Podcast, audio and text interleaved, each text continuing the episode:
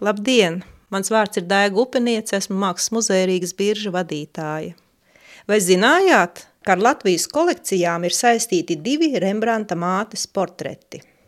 Pirmais no tiem attiecas uz Kurzemes un Zemgales hercoga Pētera Ernsta von Bīrona kolekciju. Kā zināms, viņš ir bijis kaislīgs kolekcionārs, kuram ir piederējis pat viens Rembrandta darbs. Lai jūs nemulsina gleznas nosaukums – Simeons un Anna templī – Klasisks kunga prezentācijas sižets, kurā attēlots tas īpašais brīdis, kad Simeons un Anna uz templi atnestajā Jēzus bērnā atpazīst pestītāju. Jautājums, kur tad ir Rembrandta māte? Te nu ir jāveido neliela atkāpe. Gleznas Simeons un Anna ir radīta Rembrandta agrīnajā periodā un ir attiecinām uz 1627. gadu. Šajā laikā Rembrandts vēl dzīvoja Leidenē pie vecākiem, dzirnavnieka ģimenē.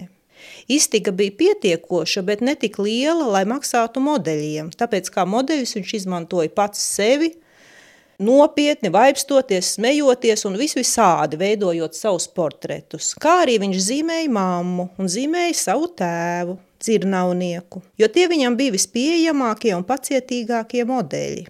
Tāpēc arī māti mēs ieraugam ļoti daudzos viņa agrīnā perioda darbos.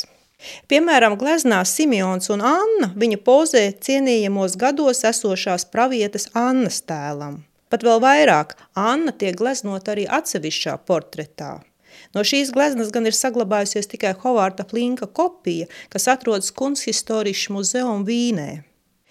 Diemžēl hercoga Pētera kolekcija – Vēlākos gados tiek izkomplektēta un tajā skaitā pasaulē aiziet arī glezna Simeons un Anna. Bet labā ziņa ir tā, ka līdz mūsdienām tā ir saglabājusies un ir apskatāma Hamburgas kunsthalles ekspozīcijā. Tā ir stāsta pirmā daļa. Latvijā Mākslas muzejā Rīgas bieža glabājas vēl viens Rembrandta mātes portrets, kas arī ir agrīnā perioda darbs, tikai tapis vienu gadu vēlāk, 1628. gadā.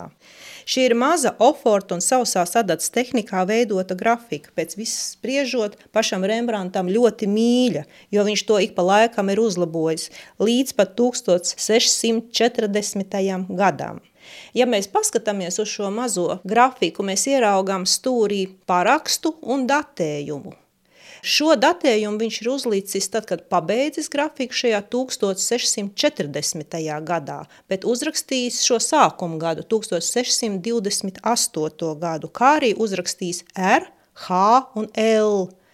Pēc šī L mēs varam uzreiz pateikt, tas ir agrīnā perioda darbs, jo L nozīmē Leidene, bet H un R nozīmē Rembrandts Harmensa dēls. Kopā ar šo darbu Mākslas muzejā Rīgas birža atrodas vēl 11 Rembrandta oriģināla grafikas un daudzas viņu darba kopijas. Šo konkrēto mazo Rembrandta grafiku mātes portrets mēs pēdējo reizi redzējām izstādē Baltijas ozoli, un nākamreiz redzēsim pēc kādiem pieciem, desmit gadiem, jo arī šī grafika, tāpat kā pagājušreiz stāstīja par dīrera darbiem, arī atradīsies kādus gadus tumsā un gaidīs savu nākamo izstādi. Bet, kad kādreiz atsāksies ceļošana, jums ir iespēja aizbraukt līdz Hamburgai un aiziet uz Kunsthalli, apskatīt Rembrandta agrīnā perioda gleznus Simeons un Anna templī.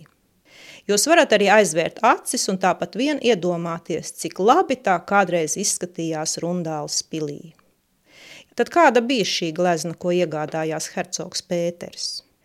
Krēslainajā templī ar augstām majestātiskām kolonām iespīd saules staru kūlis, apgaismojot sēdošajam, sirmajam Simeonam uz ceļiem nolikto, autiņos ietīto Jēzus bērnu.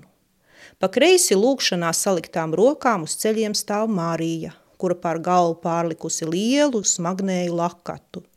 Turpat blakus Marijai Jāzeps, tērps pavisam vienkāršā tumšbrūnā kamzolī ar kailām lielceļu putekļos sabristām pēdām, kas pavērsts pret skatītāju. Viņš ir pilnībā pievērsies Marijai. Mēs redzam tikai viņas siluetu no mugurpuses. Bet aiz viņiem stāv Anna, priekā paceltām rokām, lūkojoties uz bērnu, kuru viņa un Simeons ir tik ilgi gaidījuši.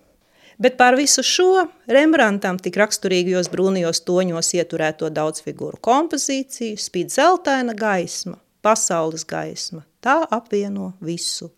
Tāds lūk bija darbs, ko hercogs Pēters iegādājās savai kolekcijai.